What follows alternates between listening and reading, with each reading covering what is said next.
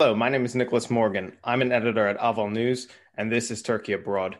Joining me this morning is Ilya Kusa. He is an author and analyst of international relations with the Ukrainian Institute for the Future in Kiev. Ilya, thank you for joining me this morning. Hello, Nicholas. Thank you for having me. So, I want to ask you about a topic that has personally captured my interest for some time now, and that is the relationship between Turkey and Ukraine. And I'd like to start by rewinding about a month ago, or a little over a month now, when tensions were still high in the Donbass between Ukraine and Russia. And I couldn't, I, I thought it was personally interesting because at the time um, there seemed to be some side focus, at least, on Turkey's relationship with Ukraine, at least from the Russian perspective. And I can't personally recall a previous time where uh, Russia was actively singling out Turkey among other countries who were supportive of Ukraine in previous bouts of tension. And they accused they accused Turkey specifically of quote unquote emboldening um, militaristic behavior from Ukraine by providing drones, providing the growing defense relationship between the two of them, and it, it, it just stood out to me really. And they didn't seem to take very kindly, of course, to President Zelensky visiting President Erdogan on April 10th, because shortly afterwards they enacted uh, the the travel the ongoing uh, tourist flight ban from Russia to Turkey, of course, um, saying that it had to do with the situation related to coronavirus in the country. But now that the Russian troops appear to be pull, pulled back away from the border region and away for the moment, uh, I'd like to ask you what do you what would you say were the main takeaways from that from the recent crisis in terms of um, how Russia views this relationship that has been developing between Ukraine and Turkey? Well, first of all, uh, well, first takeaway Russia does not like what Turkey uh, does in Ukraine. So basically, this is uh, this you can see very clearly when you uh, listen to uh, um, different statements from Russian officials when they are when they discuss uh, relations with Turkey and particularly Turkish Turkey Ukraine relations. Uh, they don't like that Turkey uh, is trying to develop uh, military cooperation with Ukraine because they see it as uh, a potential strategic threat in the future, especially if Turkey uh, continues to sell their um, new drones to Ukraine. Although I can't say that now they are some kind of big threat to Russia? Of course not, because there are two. Uh, there are not too many of them, like in Ukraine and. It's Ukraine. less than ten, if I remember correctly. Yes, yes, it's it's it's not enough to confront pro-Russian forces. Uh, not even speaking about Russian regular army, if they would invade one more time. So I think, but potentially, I see that Russia is irritated by this, and they see it as a potential threat. They don't want uh, Ukraine to become another, uh, you know, field, a test field for Turkish uh, armed forces, where they could, you know, demonstrate their success by turning turning the table, like they did in uh, Nagorno Karabakh, for example, where they tested their drones and they showed the world and, of course, potential clients like that they have this kind of weapons that and arms that can uh, benefit any country. Uh, what they actually did to Azerbaijan, they helped them modernize the army, and then Azerbaijan started the military operation in Nagorno Karabakh in South Caucasus, and they really made progress, like for the first time in 30 years. And uh, Russia, of course, doesn't want to do that, to to see that in in Ukraine. They want to dominate uh, particular uh, region, and they don't want Turkey to engage too much. So they are okay, I think, with you know like basic uh, military cooperation between Ukraine and Turkey, but they're not okay if that would be deep, regular, and systemic, you know, in in in the future. Second takeaway, I would say that um, besides that, uh, Russia does not see Turkey as its foe in Ukraine. In Donbass, like particularly. So they don't see Turkey as is their main enemy in that kind of situation. For Russia, it's, it, is, it is still the United States uh, as their main rival, and uh, they see uh, the Ukrainian government, the United States, as the main partner of the Ukrainian government in the context of Donbass, and of course France and Germany, which are uh, our international uh, mediators, and of course everything that goes uh, around about Donbass. it, it is talked about between Russia, France, and Germany, and the United States, which are like which are standing behind uh, the Europeans, and of course Ukraine between them. So Turkey, in my view, Turkey uh, isn't uh, Turkey. Tur- uh, Russia does not see Turkey as their en- enemy yet. Hmm. Uh, third, third takeaway, I would say also, also an interesting moment that uh, although uh, Moscow was uh, dissatisfied with with Vladimir Zelensky, President of Ukraine's visit to Turkey three weeks ago, I think, yeah, three weeks ago, they didn't. I don't think they really tried to punish Turkey with all these uh, restrictions on tourists, uh, tourists and on air flights by cutting down air fly air air communication with with Ankara. So I think um, really the visit, uh, although it was it, it occurred during this military political escalation between Russia and Ukraine, actually it didn't show anything new. I mean, Turkey. Uh, the, the, main question when the visit occurred, the main question which everyone in in Ukraine particularly uh, raised uh, was like, will Turkey uh, go and you know say something uh, more meaningful than they usually say. So, will they go and support Ukraine politically and, for example, join anti Russian sanctions that were uh, imposed in, two, in 2014 and 2015? No, they didn't.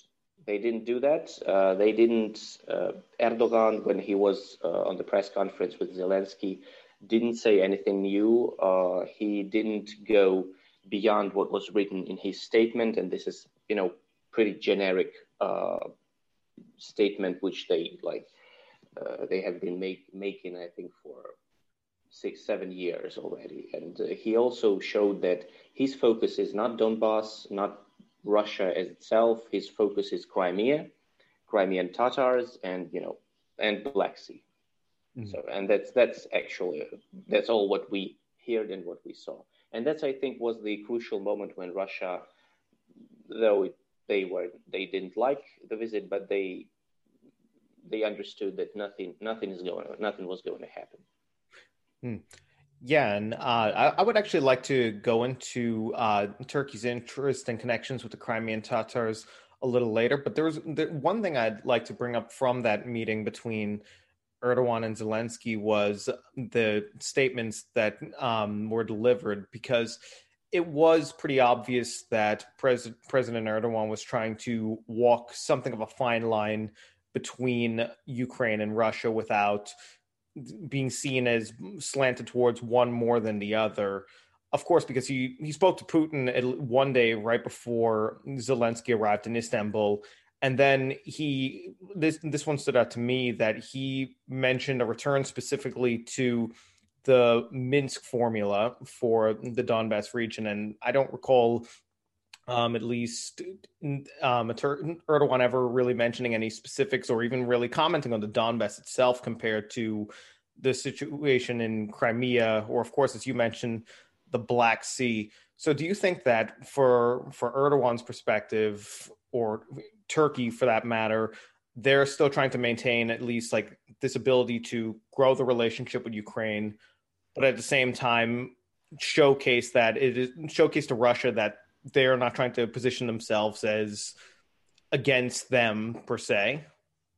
Yes, sure, sure. Because well, actually, Turkey uh, Turkey is not interested in confronting Russia uh, in uh, in Ukraine because they don't have resources for that, and they actually don't want to be too you know involved in that conflict, which is which you know they don't see as, as doesn't have the same resonance for them in the same way as say you, you know you mentioned Nagorno Karabakh and supporting Azerbaijan, of course, that naturally, I imagine, you that will that inspired much more of a you know fulsome Turkish Turkish um, response, maybe in the same way that Russia might perceive any increased Turkish um, involvement in Ukraine.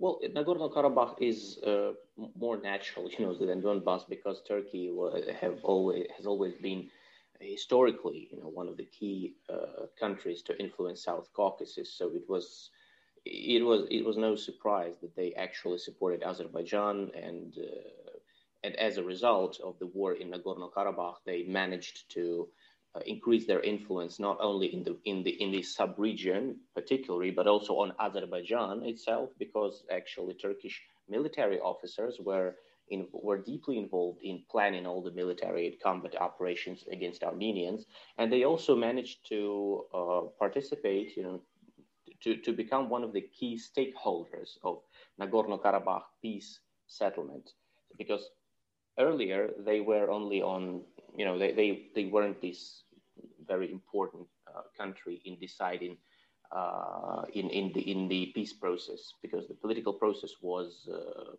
confined to Minsk group, which was consisted of Russia, France, the United States as the uh, you know co-chairs, and that's all actually. Now it is only Turkey and Russia, the two countries that actually uh, that has become key stakeholders of South Caucasus regional uh, developments. In Donbass, the situation is different because it's not.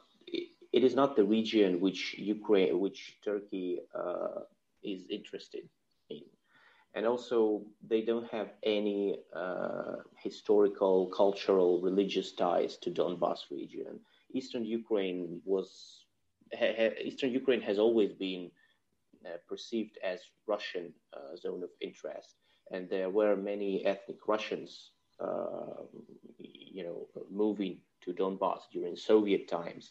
So that's why Turkey is not, Turkey actually sees Donbass only as a, as a test field. So if there will, you know, if something happens and there will be, you know, a new a new round of escalation, Turkey may see it as an opportunity for their armed forces to demonstrate themselves. Uh, that's why, but on the other hand, they really don't want to confront Russia. They don't want to uh, to make Russia think that they're interested in uh, supporting Ukraine or trying to finance or help in Ukraine technologically to win the war. That's why I think I think that's why they they are very careful in solding you know like high tech uh, weaponry to Ukraine. That's why we, they sold the first batch of drones, which still hasn't been used. We don't know about that. So because uh, last uh, Ukrainian uh, statements from Ukrainian officials were about the the, the Bayraktar drones still being used for like training only. So we don't know if, if they if they will be used in Donbass. I don't think so, and I don't think so also uh, because Turkey because of some I think there are some uh, concerns from Turkey and Ukraine knows about it that they don't want to provoke Russia because Russia also can, uh, you know, create some problems for Turkey in the Middle East, in North Africa, and they know it. So I think uh, this is, I think that's uh, Turkey is more if you if if um, Turkey is more interested in other regions. Like if if you're talking about Ukraine then it's more natural for Turkey to be interested in southern southern Ukraine, uh, in the Crimean the Crimean Peninsula, and in southwestern Ukraine near Moldova and Romania, for example, because this these really are regions which were historically uh, very important to Turkey. The, uh, the Ottoman Empire, which uh, once uh, dominated the, the region and, and even the Black Sea, they were very powerful and in, in southern Ukraine especially when they were allies of the Crimean Khanat, of uh, the Crimean Tatars, when, when they had their own um, state on the peninsula. And they influenced southern Ukraine very much. And once they even were allies with uh, Ukrainian uh, leaders when they against Poland and against Moscow. So with Ukrainian Cossacks mainly. So this is the region where they have interest and they actually do it so for example uh, turkish uh, turkey is very interested in ukrainian housing market and uh, they have uh, several huge projects in building uh, housing, mainly for Crimean Tatars, but also for other people, uh, also for um, uh, for refugees from, from Donbass, actually. They build uh, houses for them in southern Ukraine, in, in Kherson region, for example, near Crimea. And uh, all the infrastructure projects in which Turkish companies are involved in you know, roads, ports, uh, these uh, they are in southern Ukraine. This is like near Odessa, the, the Black Sea, Ukrainian Black Sea ports, uh, Kherson, Odessa region, and border region near Moldova and Turkey is also has also uh, you know, increased their influence over Moldova during the last several years. This is a region which is not very uh, not far from from Ukraine. So what they do, uh, they are trying to uh, well gain influence in a historically important uh, region, which uh, which they see as part of their let's say expanded periphery, geopolitical periphery which Crimean Peninsula is part of, but Donbass, no. Mm-hmm. Well, uh, there's some there's some aspects of the relationship between Turkey and Ukraine that go back at least before uh, the, the the Maidan revolution. Um, for example, a more immediate one that comes to mind is the free trade agreement that President Zelensky and Erdogan, President Erdogan have spoken about, and their emissaries have communicated about it. Always pops up in the press releases right after these meetings. And to from what I understand, these discussions have existed since it, um, at least like 2010, 2011 about securing at least that one. But it does seem that at least under uh, President Zelensky, through President Zelensky's tenure, that the relationship has seemingly intensified into more of this military realm that gets a lot of this the attention and if if I remember correctly, even in one of Ukraine's uh, strategic strategic um, documents for foreign affairs, Turkey was listed as a strategic partner, and that was something of a first uh, recently. But is this an initiative of President Zelensky to seek these closer relationships with Turkey, or was this a tr- or is this part of a longer trend? Uh, it started actually. It started not with Zelensky, but with uh, Petro Poroshenko, uh, our former president. Um, he managed to maintain uh, quite a good personal relationship with Erdogan, and I think uh, they still uh, they still speak with each other occasionally. And um, he was the first who tried to uh, who tried and succeeded in uh, in developing strong uh, relations with Turkey. Uh, I think it uh, so Zelensky inherited this policy this this uh, kind of policy, and well, I admit he um, he did good to maintain our dynamic relations and even to he managed to you know expand uh, the cooperation uh, in in military and uh, agricultural spheres. So these are the two key sectors that we're trying to develop right now with Turkey. Others, well, can, you can say that there are plenty of work to do. Uh, well, I think there were several reasons for that, and why Turkey still remains one of the key partners of Ukraine on our southern, uh, let's say, uh, in the south. Because actually, actually, if you see, uh, if you analyze Ukraine's relations with the Middle East as a whole, uh, they are not that good, uh, because we don't have we don't trade uh, very much with the Middle East. We don't invest. They don't invest. We don't have huge infrastructure technology, uh, pro- infrastructure projects or joint, uh, for example, uh, joint production of anything. So this is this is a big problem. But Turkey is okay. I think it's because, well, first of all, it's the only country. It's well, it's our neighbor. You know, and uh, secondly, it's uh, Turkey is Ukraine's partner in the Black Sea, and we have mutual interest in maintaining security and peace in the Black Sea and defending the trade routes that are equally important both for Ukraine because our port both, both with Turkey, let's say first, firstly, because this is like their one of their lifelines in in terms of uh, sea trade, and for Ukraine because with our Azov ports being blocked by Russia because they annexed Crimea and are trying to block the Azov Sea, uh, Black Sea ports are the only ones that that that are remaining for for sea trade, and many Ukrainian products that are going to Middle East and Turkey.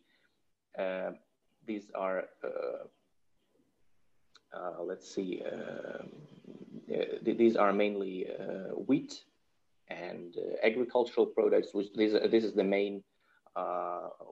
we we are one of the one of the biggest players in the world markets of wheat and uh, mainly we export wheat to the Middle East, to, to Turkey, to Qatar, to, to Tunisia, Lebanon, through sea, through the Black Sea, through the Bosporus and then you know in the eastern Mediter- to the eastern Mediterranean. So uh, that's why we, have this mutual interest. Thirdly, I think it is because again Turkey proved to be the most successful uh, country, you know, in our foreign policy, with which Ukraine actually managed to build up some relationship and even increase it. So, uh, because today you really can say that Turkey is a success story because really we have uh, we have five billion dollars trade volume, uh, bilateral trade volume in I think 2020, and the aim is to increase it to 10 billion in the next five years. Turkey has become one of the top investors in Ukrainian economy, at uh, reaching at 500 million dollars uh, again last year. Uh, in 2020, as well, Turkey became one of the top popular tourist destination for Ukrainian citizens. And, and we have this kind, we started to, we, we have the real, uh, you know, tangible military uh, projects, joint military projects, uh, though not so many, only two, and the both of them are related to drone manufacturing. Ukraine produces engines for uh, Turkish armed drones, Bayraktar, and the new model Akinci, which is which is due to be released, I think, uh, this year or next year, if I'm not mistaken. So this, I think, I think, so basically, Turkey and Turkey-Ukraine relations are good because, well, they they happen to be good. Because if you compare with other with relations with other countries, they're not so so good, and you don't have this kind. You, you can't say anything yeah. about them. Yeah. So that's why I think uh, I think we managed to do this, and also Turkey is a huge market that's why it it's more interested to Ukraine and it's it's closer. It's more interested to Ukraine than other countries because again you need to understand that Ukrainian economy is quite it's simple so it's it's not um, it's not complex if you understand what I mean. We yes. don't uh, because more than fifty percent of our export uh, are raw materials. So unfortunately, Ukraine does not produce, uh, you know, like high technological goods. And that's why our simple economy, even I think it's it, it cannot uh, compete on uh, more difficult markets, on European, for example, or American, or in, in, for example, Emirati or Saudi, where they have plenty of countries that are trying to, you know, flood the market with their goods. Ukraine cannot do that. That's why we're trying to uh, build up relationship with countries that are interested in our simple raw products, and Turkey is one of them.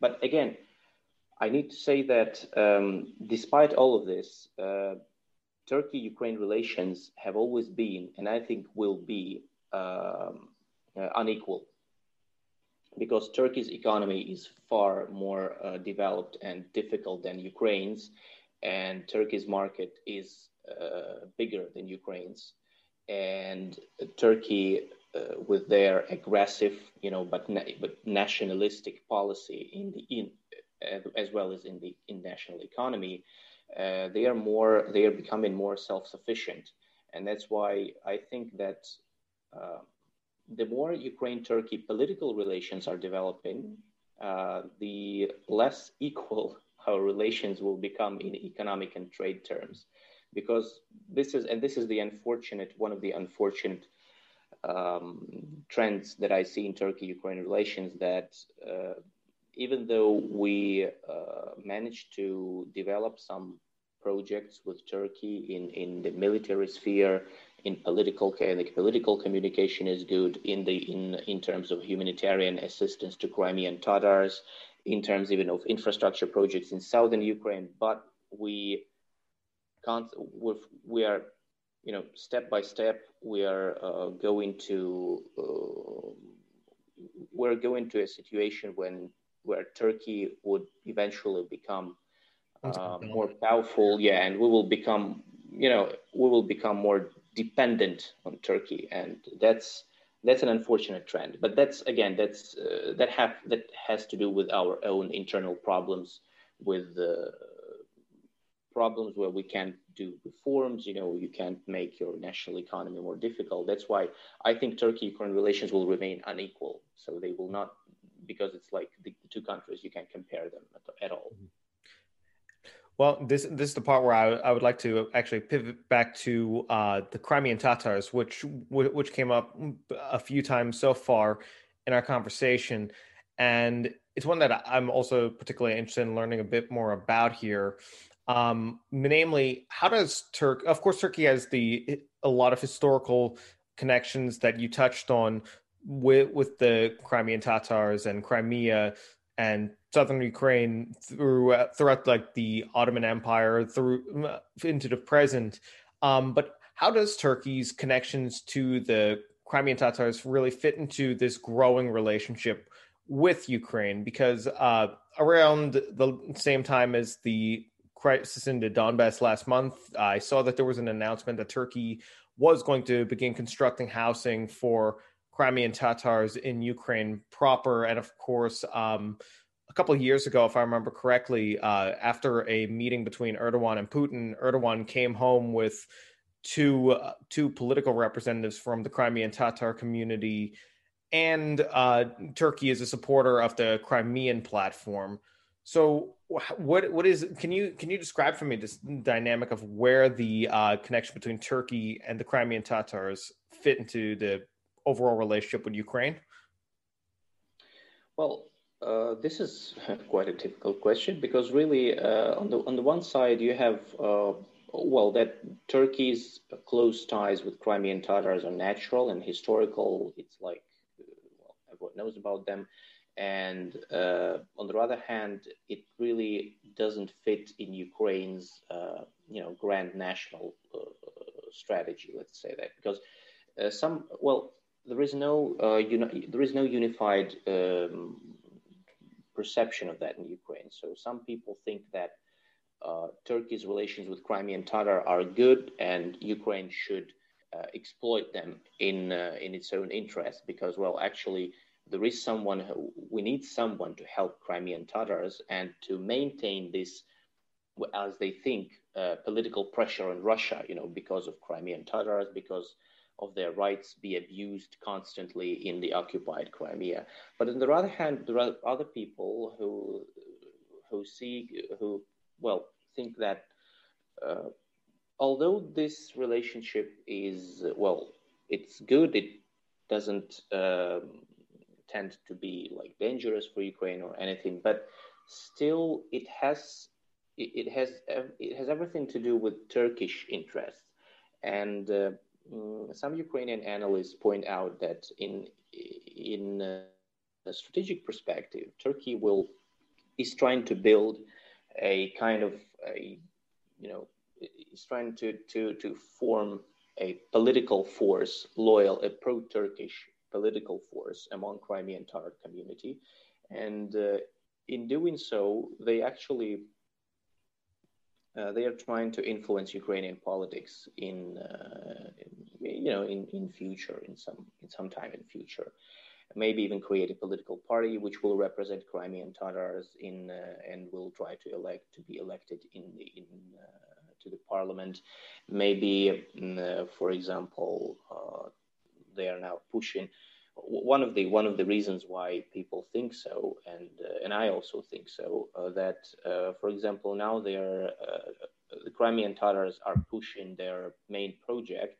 They want the Ukrainian government to make amendments to the constitution to grant them uh, a, grant them an autonomy, cultural and political autonomy uh, in uh, southern regions and in Crimea. You have Crimea is occupied, then that it will be in southern regions where they now uh, live. Uh, many of them, who have, especially those who fled Crimea after 20 uh, after 2014. So and this is really uh, this uh, can be perceived as a potential uh, threat in a strategic perspective because uh, the problem with the Turkey's relations with Crimean Tatars is not that they help them. Well, that's okay, they help them. Uh, the problem is that uh, when Poroshenko was president, in he mm, promised to help Crimean Tatars, and that's why part of them and their uh, leadership supported him during the elections in 20, 2014. Uh, but then um, the Ukrainian uh, government really failed to uh, formulate a robust, unified, and you know policy towards Crimean Tatars. They would basically they lost contact with them. They didn't manage to, uh, you know, organize and coordinate humanitarian assistance to them. They didn't manage to help them with housing. They didn't manage to build up some kind of a, you know, solidarity, unified Ukrainian Crimean Tatar uh, Tatar campaign, uh, you know, on on the Crimean issue.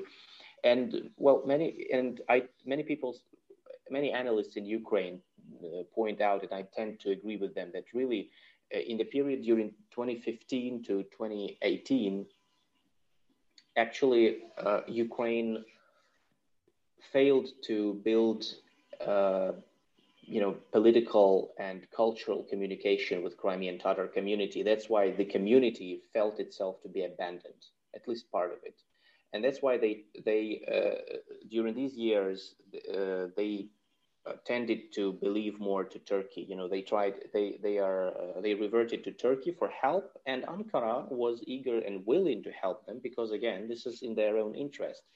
And I think when Zelensky came uh, to power, when he became president, um, he he inherited this situation. The Crimean Tatars were already, at least part of them, were already lost to Turkey.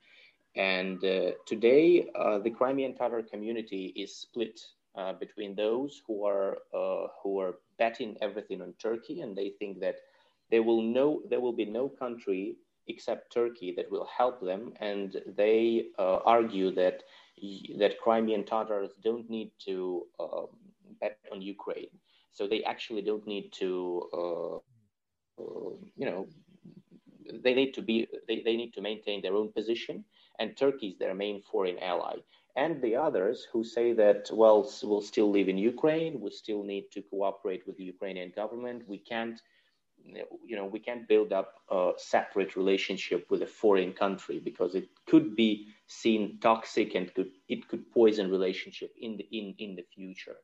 So, and this is this is really a hard issue because now, for example, with this issue of autonomy being pushed in in the political in in the parliament by Crimean Tatar deputies, uh, which are uh, which were elected uh, last year.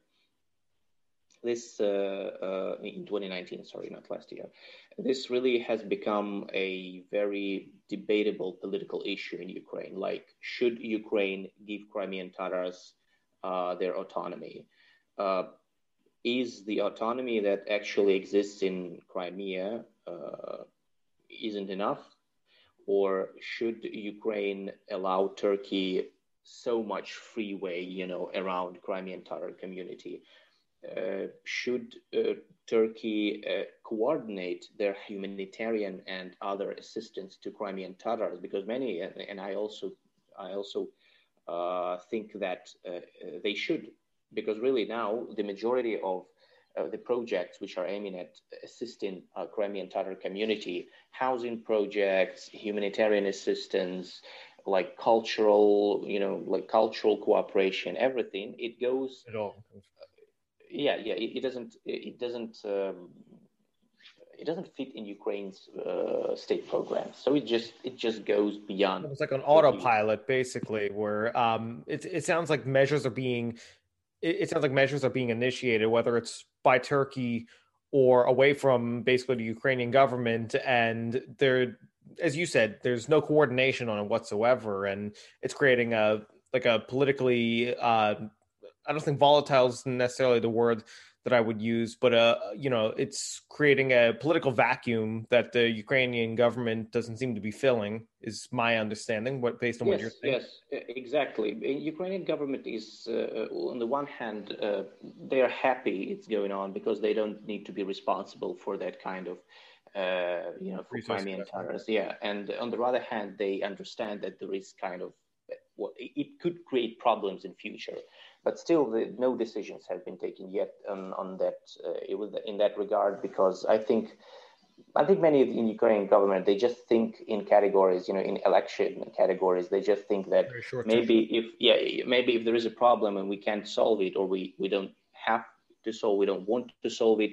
Maybe it's better to just you know like give it away to someone else. And since Turkey is seen by many in, in the Ukrainian government as an as a sincere ally. This is, I think, also another huge problem and uh, you know delusion with Ukrainian officials that they see it as a sincere you know ally which will stand with Ukraine no matter what happens. They think that okay, there is nothing bad in that. Well, they let they let them have their own game with Crimean Tatars.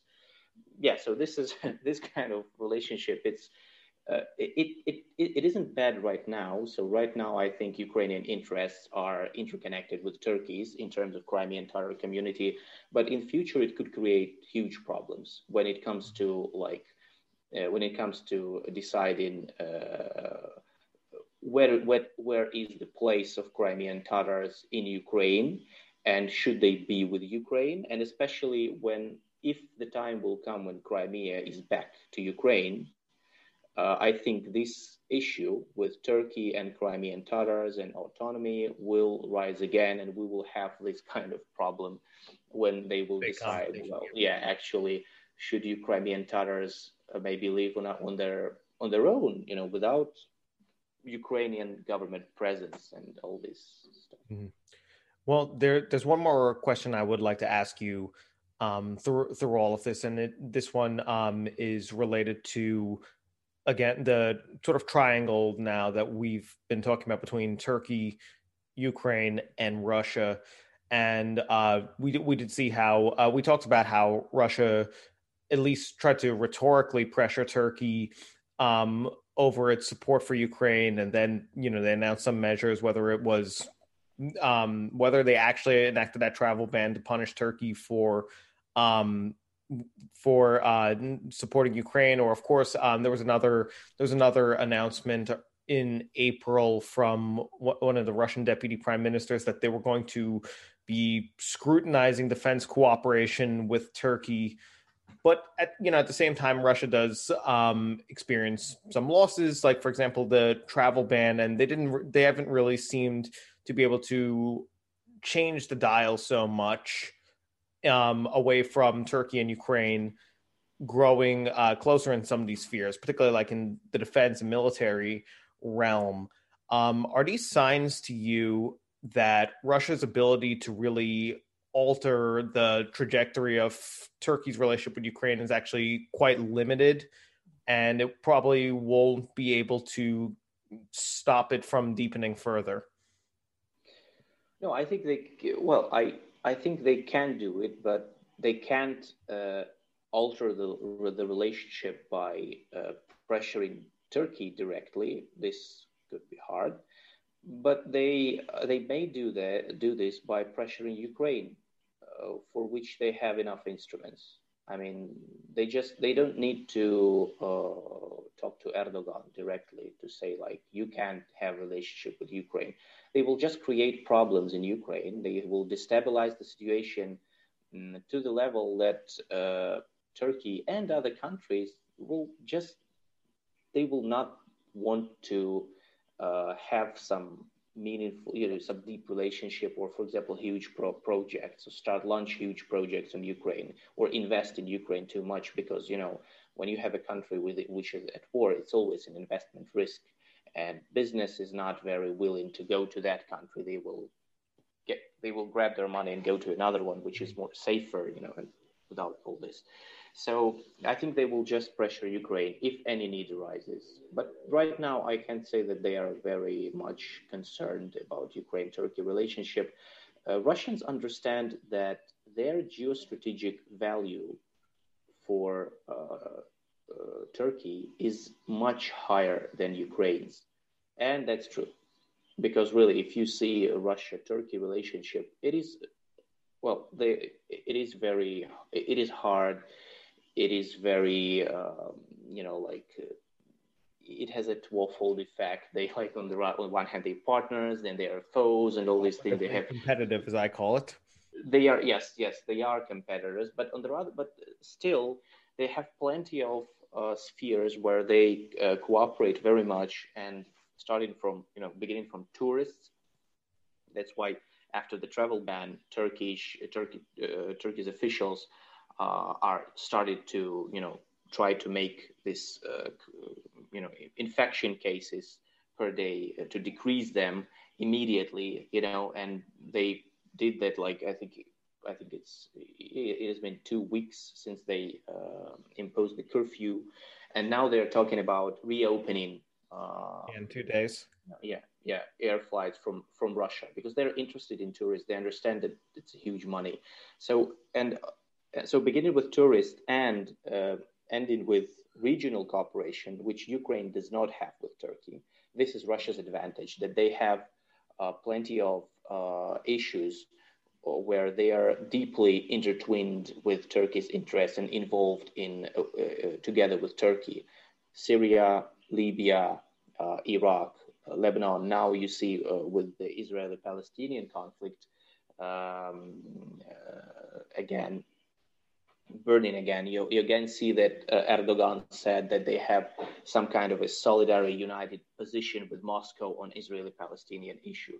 Uh, so they are trying to maintain balance. They have this kind of uh, strong understand, mutual understanding. I would call it that. I can't call it partnership. Or, you know, they're not allies, but they have this kind of understanding. They had they have the understanding of their red lines.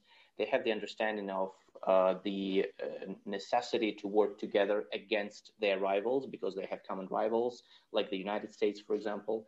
And they understand that it's better to cooperate uh, in order to uh, divide the sphere of influence together then confront each other and it will be exploited only by third parties like the United States mm-hmm. or China or, not, or, or the Europe, or European countries, France, Germany, Italy, and so on.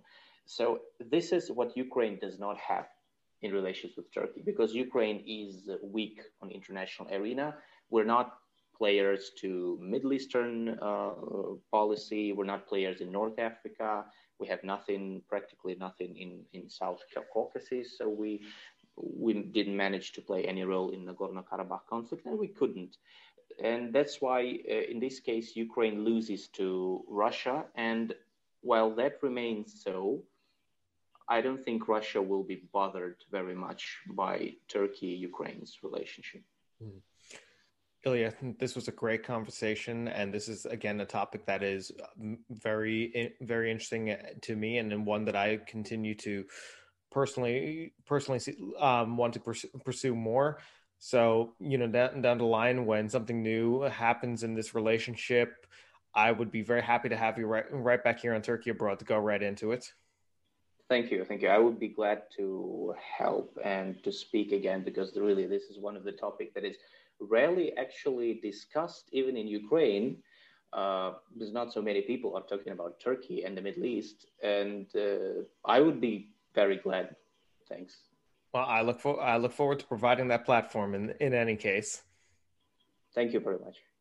My name is Nicholas Morgan, and this is Turkey Abroad.